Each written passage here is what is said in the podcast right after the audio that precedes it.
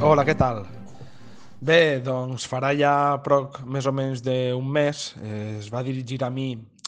eh, Lluís en representació de, de la Fundació Dharma i bé, me va transmetre eh, la seva inquietud per a celebrar eh, un esdeveniment eh, eh, posant en pràctica les activitats que, que solen fer en esta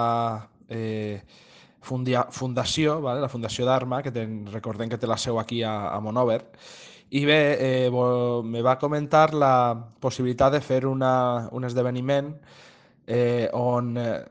tindria un caràcter solidari que a més eh, mostrara com el que he dit abans, les activitats que aquesta fundació pues, també sol eh, eh, posar en pràctica. Eh, bé, van quadrar una data, vam pensar que el diumenge 9 de febrer eh, podia ser una data on, on no hi havia res organitzat i que podia ser eh, factible per a poder desenvolupar aquesta eh, activitat sense alterar els horaris dels clubs esportius. I bé, des del primer moment eh, ell se va posar a treballar d'una manera eh, eh, molt implicada per aportar eh, professionals per a poder desenvolupar pues, totes les activitats que van a, a dur-se a terme en este Back, Back to Love Festival. Eh, bé, se celebrarà en els dos pavellons, eh, les activitats eh, hem de dir que són molt novedoses, ja que aquí a Monover pues, no hi ha centres específics d'aquestes activitats, encara que sí que se practiquen. Estem parlant d'activitats com la biodanza, la risoteràpia, el yoga, eh, el tai chi, Eh, a més, eh, he de dir, és important saber que no és una activitat enfocada sols per a persones adultes. Eh, principalment, eh, en un principi anem a dividir els dos pavellons, eh, utilitzarem tota, tot el recinte del pavelló esportiu, és a dir, les dues pistes cobertes dels pavellons esportius, i el que se farà serà en una d'elles estarà enfocada per als xiquets, on se faran tallers de malabars, eh, teatre, risoteràpia, eh, pintures de mandales, eh, balls, i en l'altre pues, se faran les classes dirigides pues, de yoga, meditació, eh,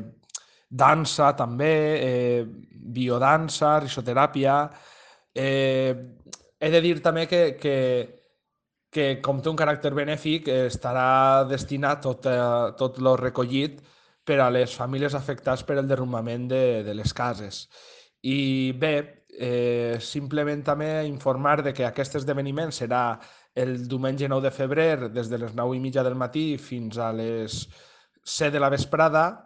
i la intenció és pues, que participe molta gent, eh, passem un matí eh, prou dinàmic i divertit i per últim també informar que es té un, una donació vale, per a poder participar, se fa un donatiu